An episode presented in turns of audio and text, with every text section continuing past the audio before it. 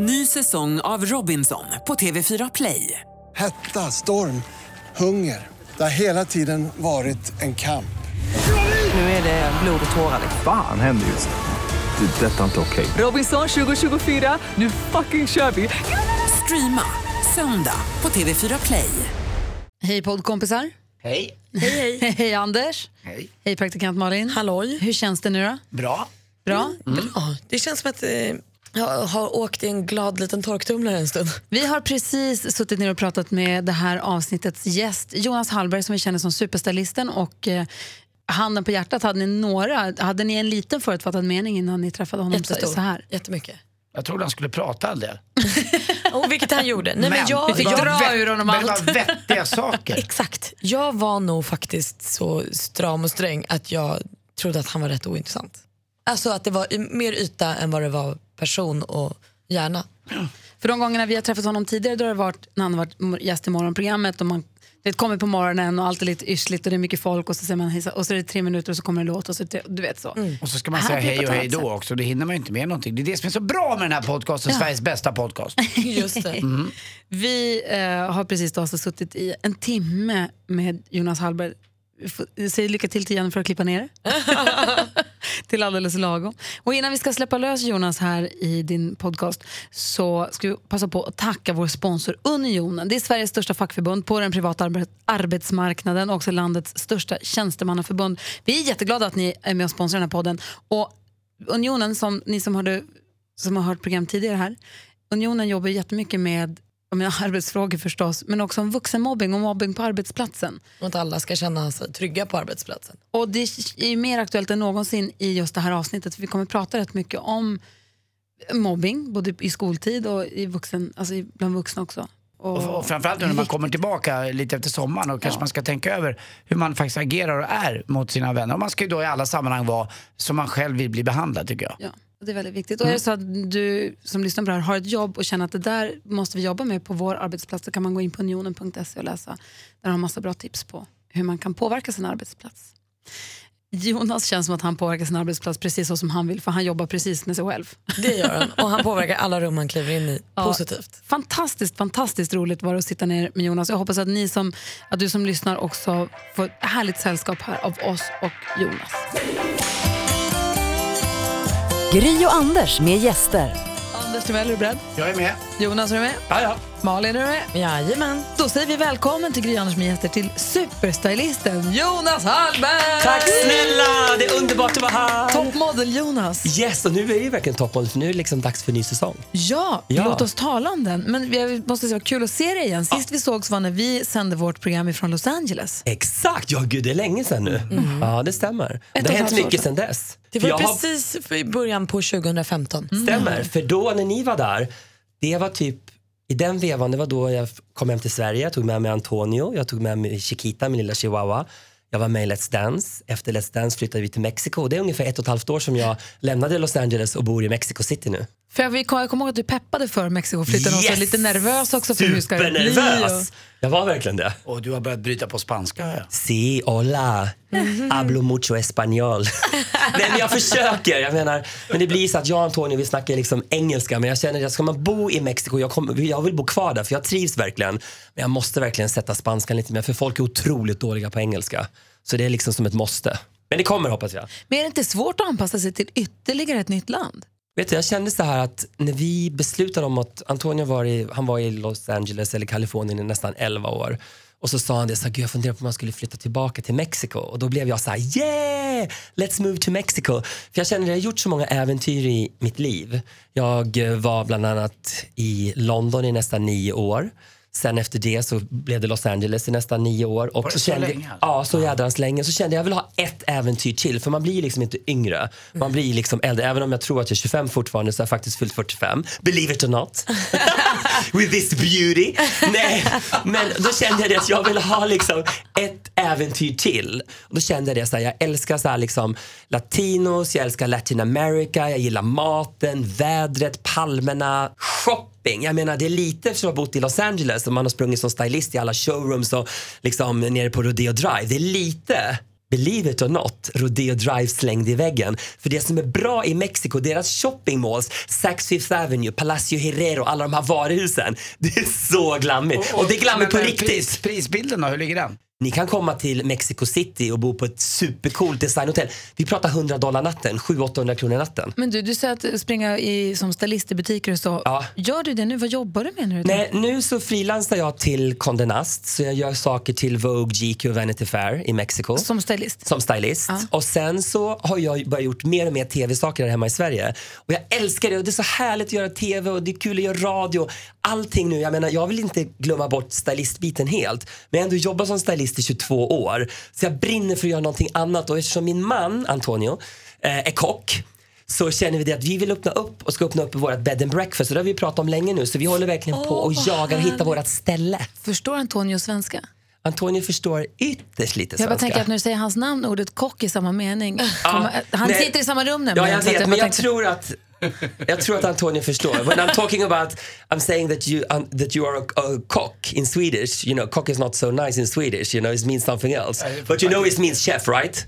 Yes, yeah, yeah, knows. No, men han är fantastisk, han är så bra att laga mat. Så vi ska i alla fall öppna upp ett litet bed and breakfast. Och vi håller faktiskt på att Här leta... i Sverige? Nej, i, i Mexiko. I så vi, Mexiko, håller på, vi har lite folk som letar nu. Vi pratar max 10 rum. Vi ska ha en liten restaurang som jag vill ska, vi har pratat om ska heta Antonios med ett litet blinkande hjärta. Vi vill ha en liten bar, cocktailbar som ska heta Chiquita med massor med bilder på vår lilla chihuahua för hon älskar att bli plåtad. Och sen ska stället heta La Casa Papi. Och då ska det vara som sagt max 10 rum och de är baserade. jag älskar det här. Jag vill lyssna, det här är ett bra koncept. Och det ska vara baserat efter de tjejerna som jag har jobbat med i Hollywood som jag känner att jag har fått mest kontakt med. Så ett rum ska heta Cameron efter Cameron Diaz. Då är det bara mina omslag och kampanjer med Cameron Diaz. Ett rum heter Scarlett, Scarlett Johansson. Ett Charlize, bara Charlize Theron. Cindy Men, men Crawford. kommer inte några av tjejerna då bli lite sura? För att Måste du fråga är- om lov? Nej, inte det här, för det här är liksom mina bilder. Jo, Och men sen- är det ändå så att du bara hör Scarlett, är det okej nej, med Scarlett inte, nej, där Det känner jag inte så. Nej, men det känner jag. Liksom, det här är mina jobb och mina grejer. Så jag kommer liksom inte gå till deras publicister och säga att jag ska ha ett rum som heter Scarlett. Nej. Om jag, Ja, ja, checkar ja, in där, ja, vilket exakt. rum får jag då? Åh, då får man, du, får nå, du ska få något fabulous. Jag tror, det, jag tror Cameron kommer att bli mitt, mitt bästa rum. Då får du det. Får du bo i Cameron. Och så är ni båda blonda. Så här, Vad får. Anders bo i? Åh gud, vad ska Anders få bo i? Han måste få bo i något så här sexigt och härligt och något stort rum tror jag. Ja, det behövs. Ja, Bruce jag tror det. Så Godzilla får Caitlyn plats också. Älskar det. Och Malin då? Godzilla. Och Malin får bo, du får bo i någon av mina modelltjejers rum. Jag tror att typ Adriana Limas, hon ska få ett rum. Mm. Och sen ska jag vilja Alessandra Ambrosio också. Så du får någon så här Victoria's Secret room. Alessandra Ambrosio, det är ju hon som jag följer på Instagram. Ja, Eh, härlig. det är så coolt med henne för hon har ju barn. Ja, ja, ja, ja. absolut. En verklig toppmodell, Ja, ja. brasiliansk. Ja, är värsta. Magic. Ja, hon är underbar. Vi har en liten tradition i den här podcasten med att vi vill kolla av de fem första med våra gäster. Ja. Och det första då är Jonas Hallberg, det första jobbet du hade. Det första jobbet, ett av de första jobben i alla fall, var när jag gjorde Svenska L och jag gjorde brittiska designers med Naomi Campbell. Men har du bara varit stylist? Har du bara jobbat som stylist? Nej, nej, nej, du tänker på innan? Ja, eller? men så här, Ja, ja. första jobbet Nej, jag jobbade på restaurang i hundra Ja, år. men Jag för mig också att du jobbade som frisör, så att det är så jag lärde känna dig på Klippoteket. Eller var det för att du hängde där? Nej, jag hade ganska mycket så här bekanta så. För vi Men- fightades om, jag sa att du inte varit frisör, Anders sa att du visst var frisör. Det var det vi bråkade nej, om innan. Nej, jag har faktiskt aldrig varit frisör, men... Ja, då vann jag! Kan vi bara hålla kvar vid det lite? där ni båda förmodligen har sett mig innan, det var, jag jobbade ju som servitör på Café Opera under en sjuårsperiod. Mi, början, mitten, Där början man- 90-talet. där var man ju Slutet alltid 80, början full, alltså. 90-tal. Ja, där. Så där vet jag att jag har sett Ja, dig ja, ja. flera gånger i alla fall. Så. Ja. Och det var där mycket rykten om Anders Timell liksom försiggick också. Så där. Så Anders, säg det, Bra då. rykten dock. Bra rykten om, Godzilla.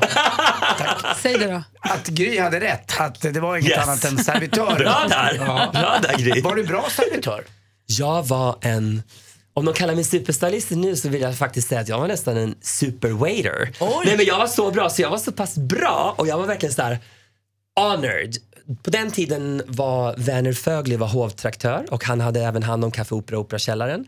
Jag hade slutat jobba på restaurang men fick en förfrågan när Hans Majestät Konungen fyllde 50 år. Så jag fick en förfrågan ifrån hovet om jag ville servera på mid- middagen till kungen på slottet. Och då hade jag hand om alla kronprinsar och kronprinsessor i Europa. Det var mitt bord med Victoria och alla så. Och det var fantastiskt och det var så roligt för då var jag den enda redan på den tiden så mycket, så jag brukar alltid säga så här, jag ska gå ner i vikt, jag ska fixa min kropp, jag ska bli deffad, bla bla bla. Men även på den tiden var jag den enda servitören som inte riktigt kunde knäppa den här jackan. och det var ändå fantastiskt för de här kläderna som de har på de här middagarna köpte Gustav den tredje in under franska revolutionen, många av de här kläderna tillsammans, när han, för han var ju liksom våran fjollkung och han köpte in det tillsammans med Marie Antoinette. Hur fabulous! Och jag kunde inte stänga den. alltså, Så jag var den enda servitören som hade upp en jacka med vita handskar liksom. Magiskt. Det bästa med dig är att du kan ju, du är den enda som kan servera så inför kungligheter och kommer iväg med Ja, det. and I got away with För det är it. precis du. Eh, om vi hoppar vidare till din första lägenhet, minns du den? Ja, För du flyttade väl från Köping för att bli au pair, men då flyttade man ju hem till någon. Exakt, för jag bodde precis, så det var ju också lite så betalt, men då bodde jag hos en familj ute i Djursholm. Och det var också, wow, det var fantastiskt. Hon var flygvärdinna, han var en stor chef. De bodde nere, nä- nästan vid Framnäsviken i Djursholm och hade söner som bara älskade att spela fotboll och jag hatade att spela fotboll. Och jag och mamman, ja, och jag glömmer aldrig, mamman, mamman var så fantastisk. Mamman hette Karina, jag tyckte hon var så här skitsnygg och chic och hade så SAS-dräkt på sig och klackar. Och, så jag var ju mer så här, jag ville mer hänga med henne för att ut och käka luncher och träffa hennes väninnor och så än att passa de här jävla ungarna som bara ville spela fotboll. Det var ju så här nightmare. Jag är den enda som säger SAS. Vad sa du? SAS. Ja, SS, Scandinavian Airlines Sister.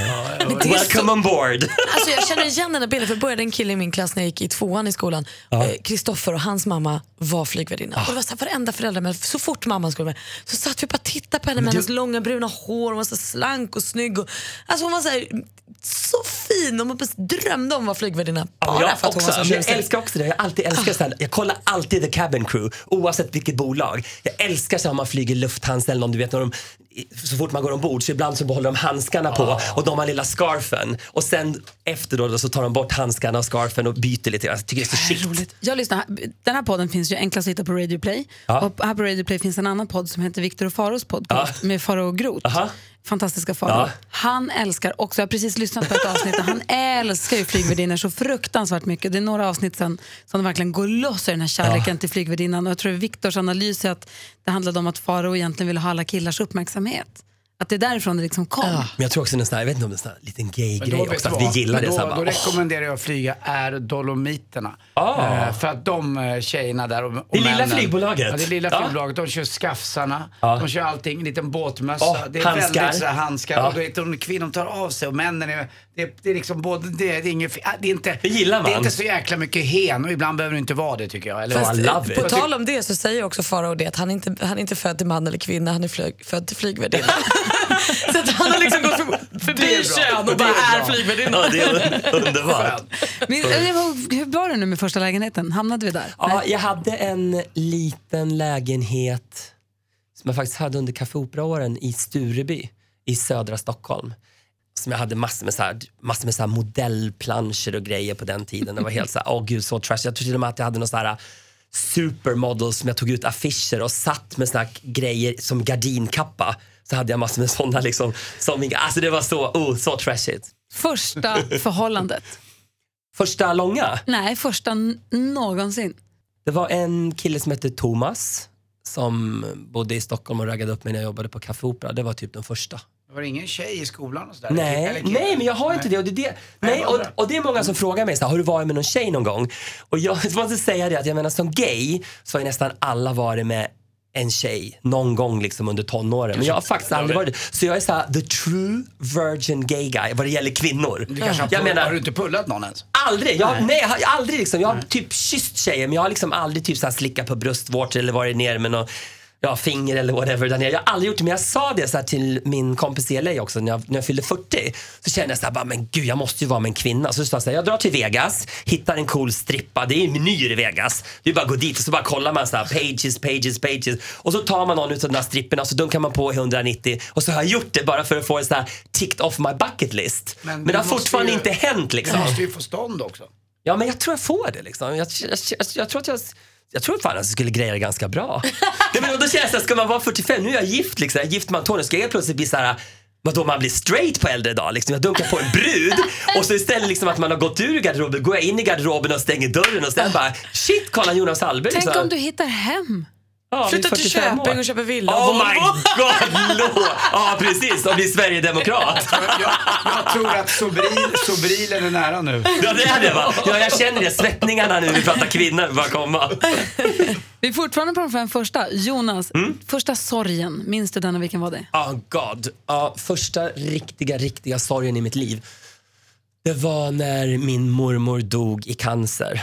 När jag var typ 13 år. För min mormor var allt. Eftersom jag hade så himla jobbet med min mamma så var min mormor den här hon bodde också i Köping. Så var mormor den personen som man alltid sprang iväg till och bodde hos. Så jag bodde nästan mer hos min mormor och låtsasmorfar än vad jag gjorde hos min mamma. Och alltid sen när det var skolavslutning så var det väldigt mån om att min mormor kom till skolavslutningen, vilket hon alltid gjorde.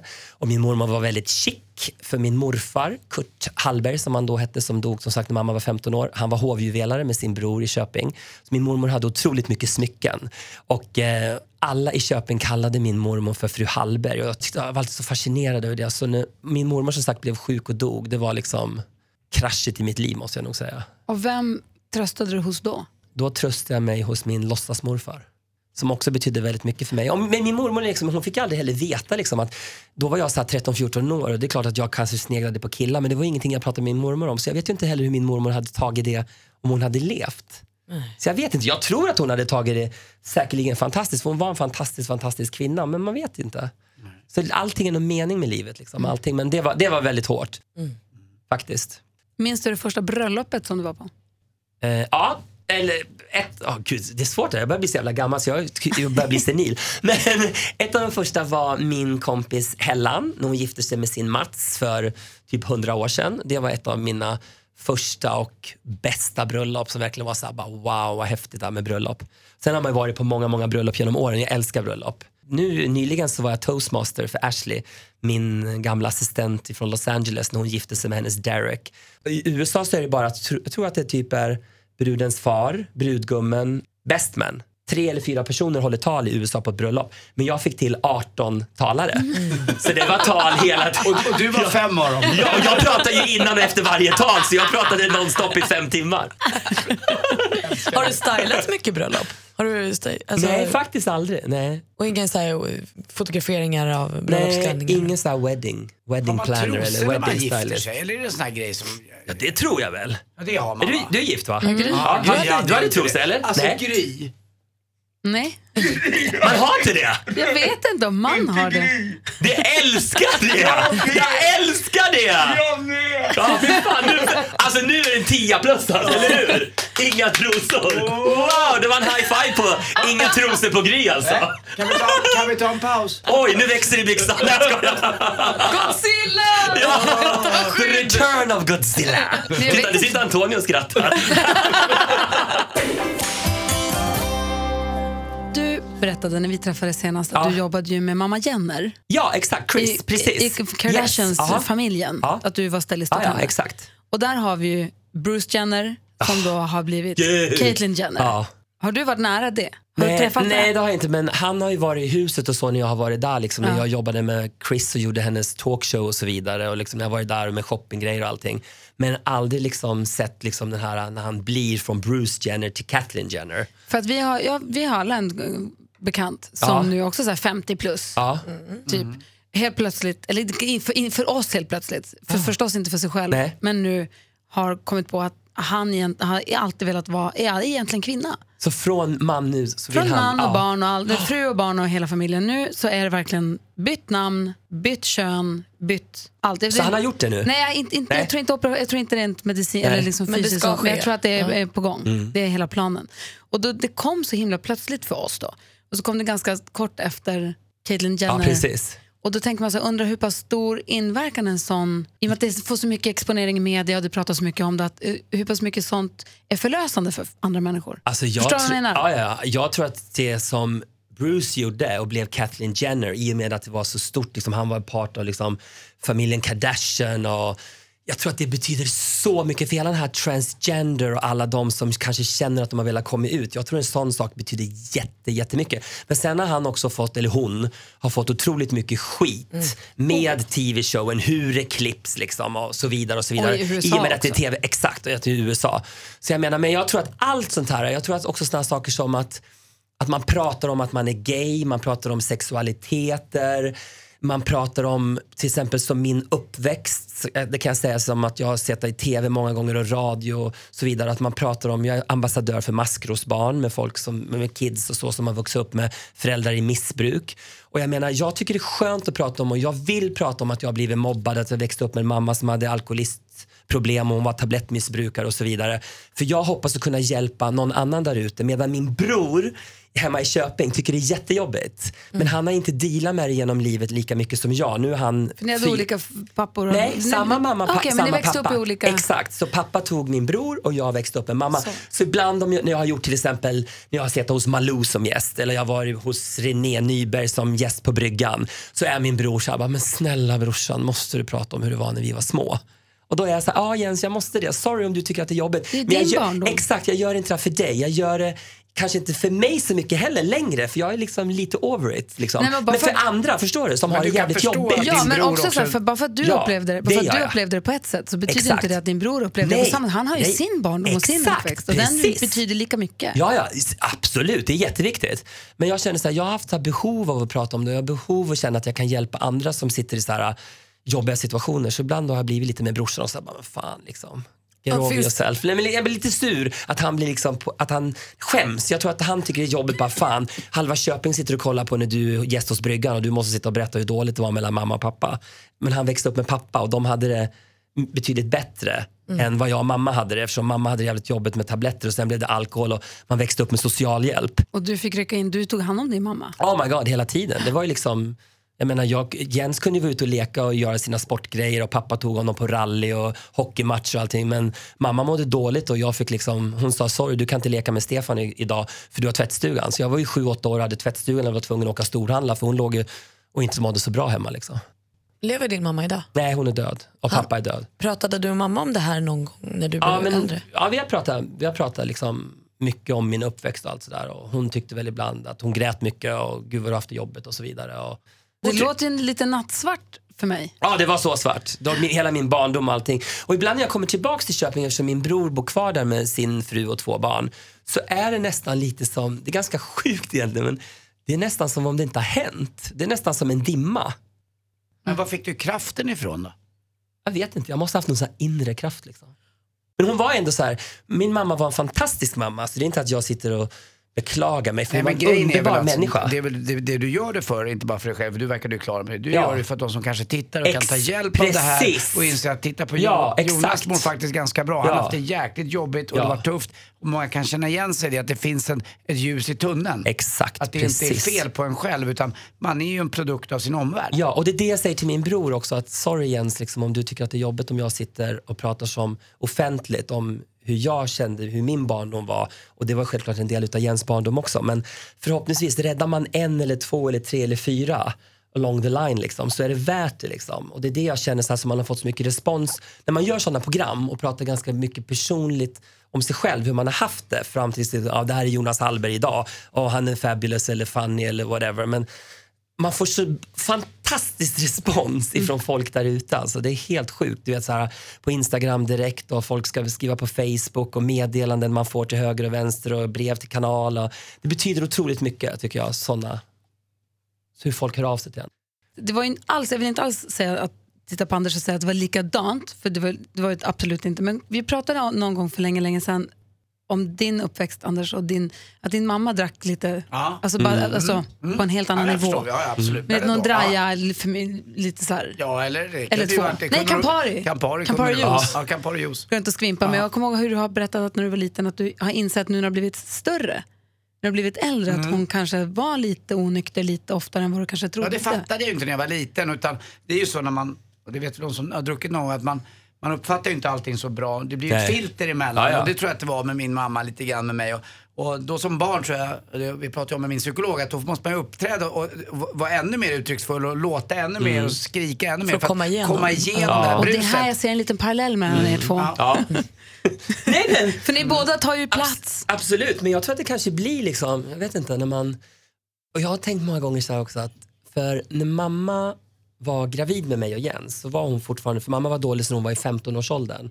Eh, för då dog hennes pappa. Mamma var född 1950 och hennes pappa dog 1965 och på den tiden när någon mådde dåligt så blev det naturligt för min mormor då att ta henne till psykologen eller till läkaren och de började skriva ut Sobril. Så mamma var, knaprade Sobril som en annan knaprar Dumlekolor. Nej men alltså, något, bä- alltså det var liksom en hel del. Så under hela graviditeten med mig så gick hon på väldigt mycket mediciner, vilket kunde ha resulterat i vad som helst. Men då har jag tänkt ibland såhär, undrar, kanske var därför man blev lite sådär, så man bara, da, du vet, sprudlande Hon galen. har också mycket antidepressiva, det så du blev glad. Jag. Du är Jag tror det. Man är ju en produkt av den uppväxt man har. Det går inte Exakt. att värja sig mot den. Utan det här var väl ditt sätt att klara dig. Ja, ja, absolut. Eh, Ditt sätt det. att skapa eh, eh, din, din, lilla- ditt lilla skydd, att uppträda och vara och synas. Absolut. Tror jag. Och det är då jag tänker nu som, jag har ju två barn som är 13 och 7. Ja, Och det som är nu är ju mobiltelefonen. ja, ja. För det är så lätt hänt att man sitter med mobiltelefonen som Ja. förälder och man sitter och zonar ut eller man kanske jobbar, kanske läser ett mejl. Det, det hände ju inte för 20 år sedan. Då gick, lämnar du jobbet så lämnar du jobbet. Nu kan jag ja. sitta och läsa ett mejl hemma. Och så säger man mamma, mamma, mamma, bara, vänta, jag ska bara, jag ska bara, vänta, vänta, mamma, mamma, mamma, jag, jag, måste läsa, Ja. jag måste läsa klart mejlet, vänta, jag måste bara. Att det blir, nu är det mobiltelefonen som är den här barriären som barnen Det det. måste det är fightas för att ta sig igenom. Också. Och så kommer man på sig själv och så bara, ah, så lägger man bort den Ja, och bara, man ja, om, vad ville du-? Ja. Titta på barnet, Ja. vad ville du? Men det Och så ser tar man man deras mobil och lägger bort den och säger gör något. Men det är väldigt intressant du säger Gry, liksom, det här med mobiltelefonen. Det kan också få mig att få så här, panik. Liksom, vad är det som händer så här, 2016? Allting handlar om den här mobilen. Och jag tycker det är så tragiskt. Liksom. Och jag måste berätta faktiskt en rolig sak. Det var faktiskt för några dagar sedan så var jag på... Vadå, du menar att du har något att säga? Ja. Det här är faktiskt kul. Jag var faktiskt på en restaurang eh, eh, för några dagar sedan och käkade kräftor. Och så springer jag ner på toaletten och så var det så här pinkränna och så kände jag så här, oh, jag vill inte stå där och hänga fram den tillsammans med alla andra. Så jag gick in på toaletten och så kommer jag ut och så står en snubbe typ i, jag skulle säga kanske 10 år eller mer, runt 55-60. Snygg, cool i kostym och så säger han till mig och står där och tvättar händerna och så här, han bara Shit vad det är bra här alltså. Jag bara, men gud jag älskar varje gång jag kommer hem till Sverige så går, försöker jag gå hit och nu är det kräftsäsong och så vidare. Och, så vidare. och han bara, jaha du, vadå maten? Säger han. Jag bara, ja men det jag trodde att du menade. Han bara, nej nej, Pokémon. Det är så jävla mycket Pokémon på, den, på, den här rest, på den här restaurangen. Så den här mannen i kostymen älskade att gå, det här är på Sturehof. Han älskade att gå där för det var så otroligt mycket Pokémon. Och jag bara, vart är, vart är samhället på väg? Vad är det som händer i världen? Va? Pokémon? Är det samma sak i Mexiko med den här? Nej, Jag håller inte på Nej, med har varit i Pokémon och Portugal, Antonio va? inte börjar med Pokémon heller. Så jag säger bara thanks goodness. Jag tycker han ser ut som en liten Pokémon. Han är lite oh, gull Pokémon.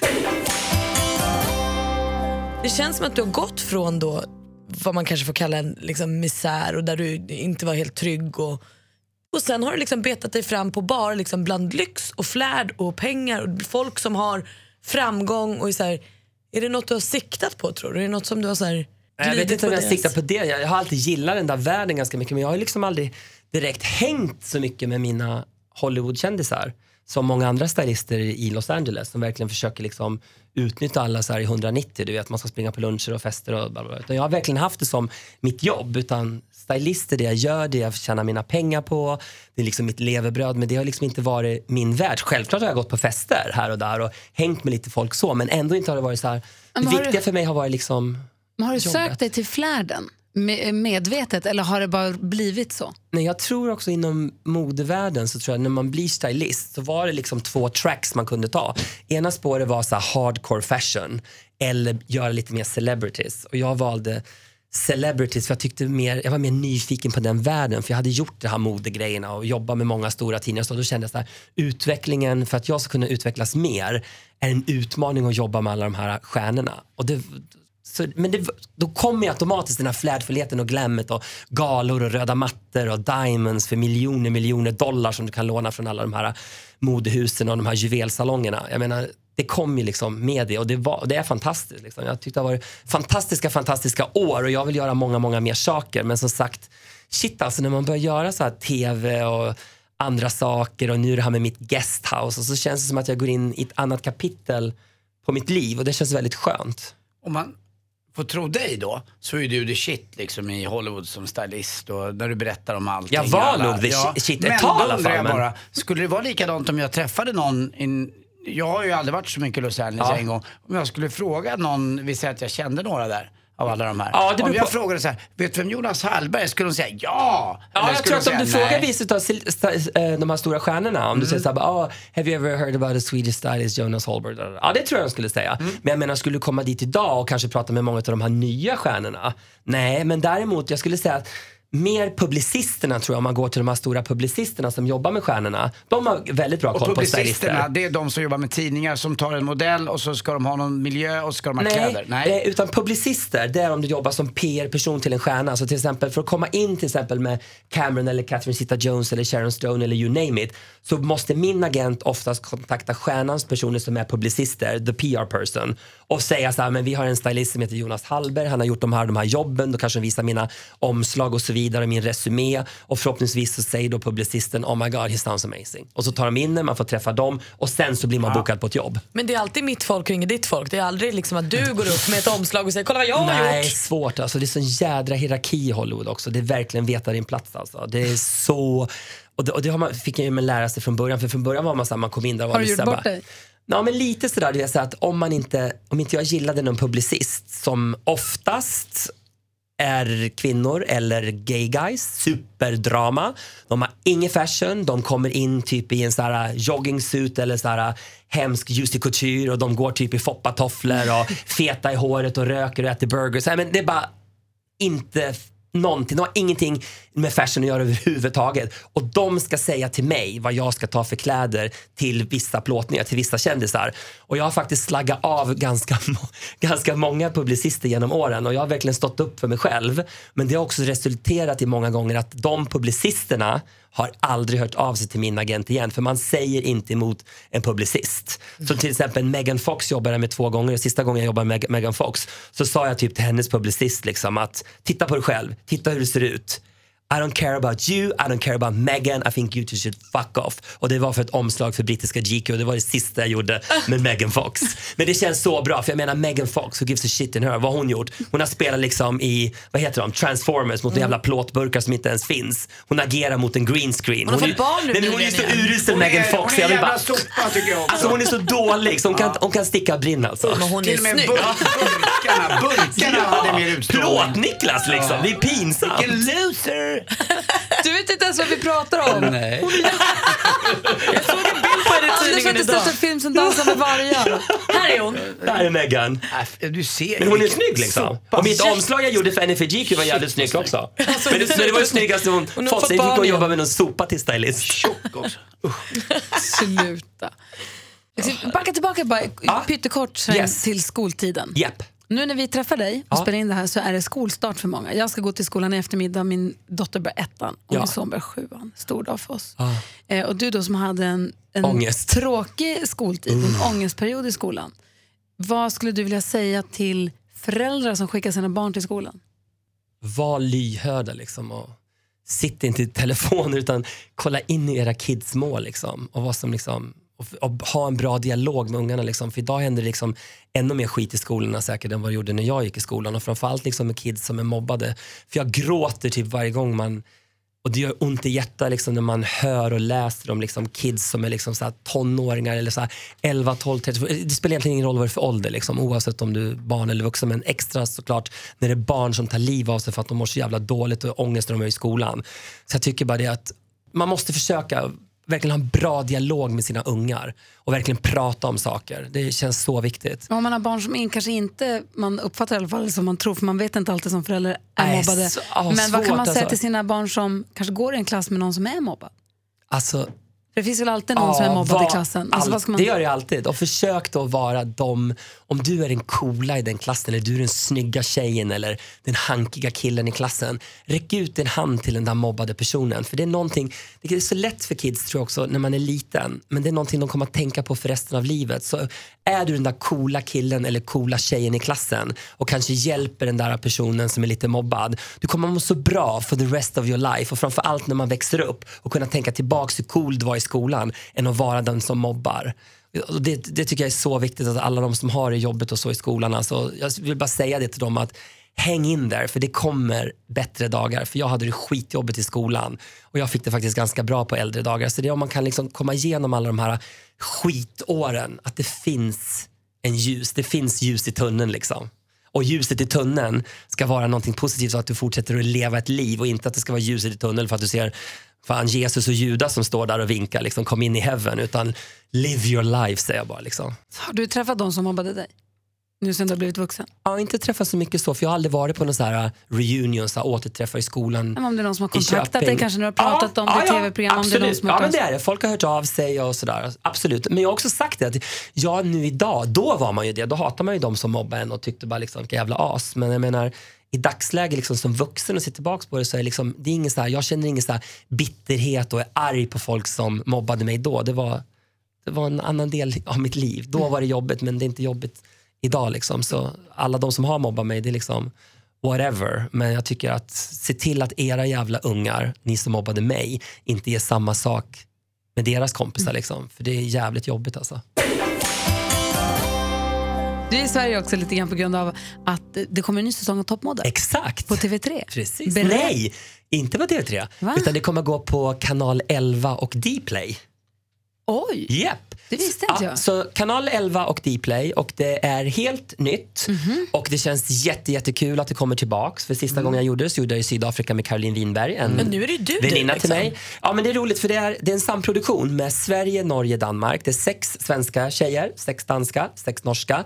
Jag är programledare för Sverige. Det är en modebloggerska som jag blev helt kär i som heter Janka Poliani. Kanske hon skulle vara den här första kvinnan jag dunkade på. Hon ser ut som norska Heidi Klum och hennes man såg ut som en David Beckham. Skitsnyggt par. I Danmark var det en programledare som heter Lina Raff som är en popstjärna. Det var vi tre. Och det är curvy, så det är curvy babes. Och det är första landet utav, nu ska, jag ska inte säga siffran, men säg 40-50 whatever, länder i världen som gör toppmodell. Så är Skandinavien det första landet som gör en renodlad version utav curvy girls. Så det är bara tjejer i storlek 40, 42, 44, 46. Bra. Ja, så jävla bra. Och det känns så skönt. Första gången utav alla säsonger jag gjort svenska så gjorde jag en säsong av norska toppmodell som jag äntligen så här bara, vill ni ha en macka? Någon som vill ha en fika? Ska vi ta en kaka? Med de här tjejerna. Det var så härligt liksom. Friska, härliga, sunda, skitsnygga tjejer. Men du, att styla en tjej som har storlek 36 Ja. är ju inte svårt. Nej. Är man smal så kan du ha på dig en sopsäck och det ser fashion ut. Mer eller mindre yes. Så är det ju. Ja. Det är ju svårare när du kommer upp på 42. Oh my god, 42, 44. Men då ska Då jag säga blir en det sak. svårare. Japp, men då som stylist i Hollywood under alla år man har jobbat där, där har man fått lärt sig otroligt mycket om kvinnokroppen. För det är få, ska jag säga, få celebrities som är typ en 34-36. Här kan det vara liksom den mest fantastiska midjan, men de har värsta liksom DEFG-kupan, jätterumpor. Så där har man liksom kommit in i det. Så jag tror att jag har lärt mig kvinnokroppen mycket bättre mot en, om, man, om jag bara hade varit så fashion stylist. Men sen när man blev lite mer så celebrity stylist så tror jag att jag har blivit mycket bättre på kvinnokroppen än många andra stylister. Just att det är lite mer shapes. Och vad har du för tips till våra kvinnliga lyssnare som kanske har storlek 40, 42, 44, 44, 46. 46? Hur ska man klä sig för att det ska inte bara se ut som ett uh, Marimekko-tält? Inget jag- ont om Marimekko, men ett tält. Ja, men jag skulle säga det också så här, våga liksom, våga glamma till. Våga ha klackar, våga ha kanske röda läppar, en snygg nagel och kanske en liten cool klänning eller ett par jeans och en topp. Och var stolt över dina former. Men underbar säsong, massor med drama, skitbra gäster, så här supermodeller och jättebra plåtningar och fotografer. Och, så jag tror att det blir en mega, mega, mega, mega säsong faktiskt. Jag hoppas att det också blir bra, att folk slår på burken och kollar liksom online och verkligen check them out. Efter att barnen har gått och lagt sig. Ja, barn var 9, 10. Nej, men för att man ska vara med sina barn när de är hemma med det. Ja, ja, ja, ja, ja. Ja, ja, ja, ja, ja, ja, ja. ja, och då är det bättre att sitta och titta på TV. vissa undantag. Ja, exakt. Alla ska titta på toppmodell. Vi får inte glömma bort våran låda. Nej, vi har en låda här med frågor. Ah, Frågan i lådan, vi vet faktiskt inte vad det står på lapparna. Så du får bara ta en och så svara på den frågan som står. Okej.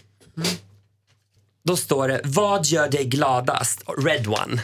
Ja, han är så gullig. Och då ska jag säga det, det som gör mig gladast, det är faktiskt så att jag, när jag får vara med min lilla La Familia. När jag får vara med Antonio och när jag får vara med Chiquita. För det är nog de enda personerna som verkligen får mig också så att man kan så här, recharge my batteries. Om man känner så att man har varit jobbat eller är så här, helt tom på energi och bara få ligga liksom så här, och mysa i sängen och vara ute och gå med Chiquita i parken och vi går till vår favoritfrukostrestaurang i Mexico City. Och när man får lite så familjetid, det, betyder, det, det, det tror jag betyder mest. Det är det som gör mig gladast.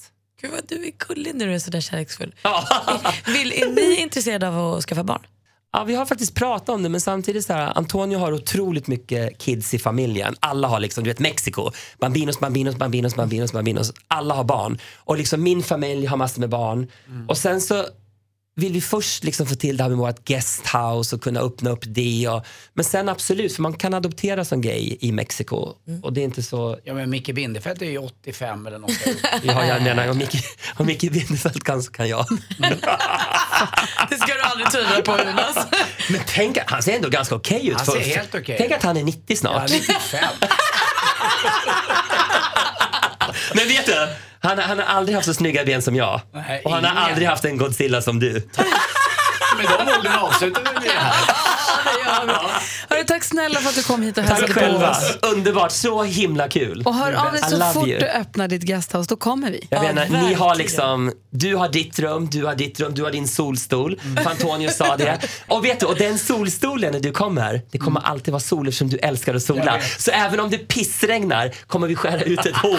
Så solen kommer alltid stråla på dig och vi kommer att servera pina coladas och våra muscle boys ska ta hand om dig i 190 och smörja in dig med olja både här och är där. en muscle boy. Ja, du är också muscle boys. Ja, tack. Hela ditt rum är fyllt med muscle boys, latinos. Diaz. If you like pina coladas and getting caught in the rain, if you're not into yoga, if you have half a brain, if you like making love at midnight. Ny säsong av Robinson på TV4 Play. Hetta, storm, hunger. Det har hela tiden varit en kamp. Nu är det blod och tårar. Fan händer just det. Det är detta inte okej. Robinson 2024, nu fucking kör vi! Streama söndag på TV4 Play.